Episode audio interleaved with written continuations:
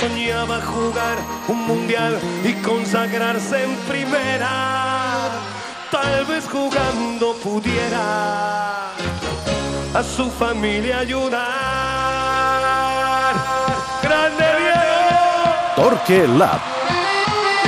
Ricard Torquemada, bona tarda. Bona tarda. A veure, com a espectador d'excepció a la quarta Champions del Madrid en 5 anys, eh, avui ens plantegem, et plantegem en el teu laboratori una pregunta. El Barça de Guardiola, eh, que tothom coincideix que va ser dominador en el seu moment, només va poder guanyar dues Champions en 4 anys, el Madrid n'ha guanyat 4 en 5. Eh, a l'hora d'etiquetar-lo, l'etiquetem com a hegemònic o com l'etiquetem? Aviam, jo crec que el cas del Madrid és un cas nou i, per tant, li hem de buscar una nova etiqueta. Això no ha existit a la història del futbol. Eh, no només per la, per la capacitat per encadenar èxits, perquè aquesta sí que la, la recordem, sinó per eh, ajuntar forma i fons. Jo crec que aquí hi hauria, la, aquí hi hauria el primer de, desconcert, no? eh, que és que aquest Madrid és indiscutible, que és insuperable a Europa, però és un equip que no manté aquesta regularitat guanyadora a les competicions domèstiques, ni d'entrada, encara que encara costa molt mi mirar eh, endavant, no fa la sensació que ens deixarà un eh, record futbolístic eh, com un gran equip de la història. Jo crec que els grans equips de la història són els que barregen fons i forma. Hi ha hagut equips guanyadors, per exemple, els 70 com el Bayern, de qui es parla que va guanyar tres Copes d'Europa consecutives, però en canvi quan es parla de l'Ajax, que va ser gairebé coetani, eh, recorda com un dels, equips de la, dels millors equips de la història, no en el cas del Bayern. Bé, jo crec que en el cas del Madrid estem davant d'una situació inèdita, perquè a més ara la Champions no necessita ser campió per jugar-la, cosa que canvia respecte al que tenim en el passat, i per mi aquest Madrid sí que se l'ha de, eh, se, se l'ha de penjar, se li ha de penjar una etiqueta, és a dir, té prou entitat el que està fent com per fer-ho, però per mi seria el Madrid de les Champions, o sigui, el Barça de Guardiola pot ser el Barça del triplet, el Barça del doplet. El Madrid només pot eh, presumir d'hegemonia a Europa, a la Champions, el que penja de la Champions, el Mundial de Clubs, la Supercopa d'Europa, diguem que tot neix de la mateixa arrel. Mm, clar, el que passa ara citaves el cas del Bayern i de l'Ajax del 70, que jo diria que la majoria de nosaltres i dels que ens estan escoltant avui no els hem vist jugar, però clar, quan fas un cop d'ull al palmarès, la impressió que queda és que van ser equips dominadors. I d'aquí a 40 anys, quan algú es miri el palmarès de la Champions, jo crec que indefectiblement pensaran que aquest Madrid ha estat dominador, com a mínim continentalment.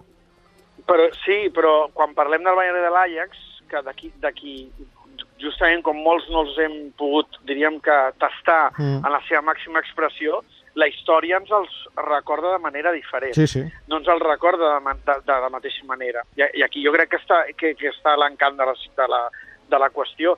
Si no, parlaríem de dos equips que, que van marcar, diríem, un punt d'inflexió a la història del futbol. Jo crec que el Madrid, aquest Madrid no, no, no el marca, el marca des del punt de vista dels títols europeus, perquè aquells equips també eren dominadors a les competicions domèstiques.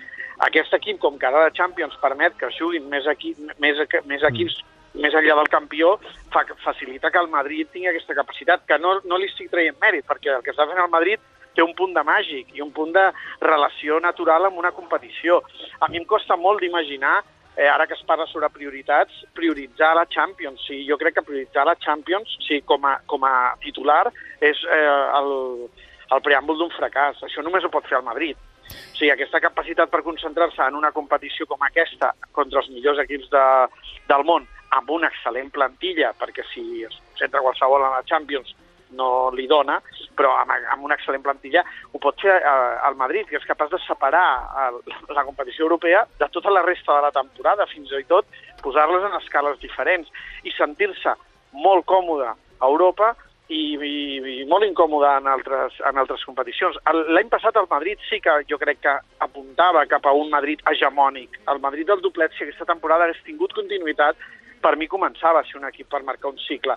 Però per mi la temporada aquesta, aquesta temporada del Madrid eh, resta, li resta un esglaó. Més enllà de com ha guanyat aquesta temporada la Champions, que també la podíem recordar com la dels porters alemanys, per exemple. Eh?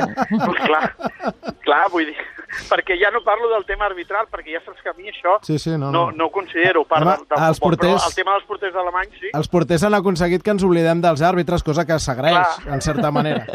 Eh, per, perquè Sí, sí, sí. ara, que, ara que precisament explicaves el, com ha anat aquesta temporada, si mirem eh, com ha anat aquesta temporada, trobaríem una explicació al per què el Madrid ha pogut guanyar aquesta Champions.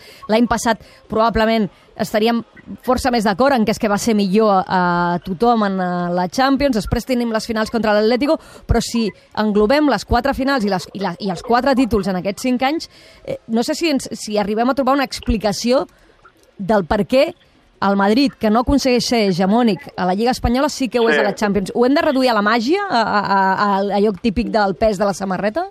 Bé, també ho podem reduir a que el futbol a vegades el volem controlar i no el controlem, i que té components d'irracionalitat, eh, com, com és aquest, aquest fenomen. Eh, o sigui, tots els fenòmens futbolístics que tu vulguis eh, mutar o clonar han de tenir uns arguments sòlids. Eh, a aquest, jo, jo mira que li dono voltes des de fa dies, però no, no ho trobo. Eh, no- am- a- també cal destacar que quan parlem d'aquest punt d'inflexió sobre l'excel·lència o aquest últim esglaó, no estem desmereixent el Madrid. Jo insisteixo, per mi el Madrid té la millor plantilla d'Europa. Per mi el Madrid és un equip que juga bé a futbol. Eh? El que estic dient és si aquest Madrid deixa petjada.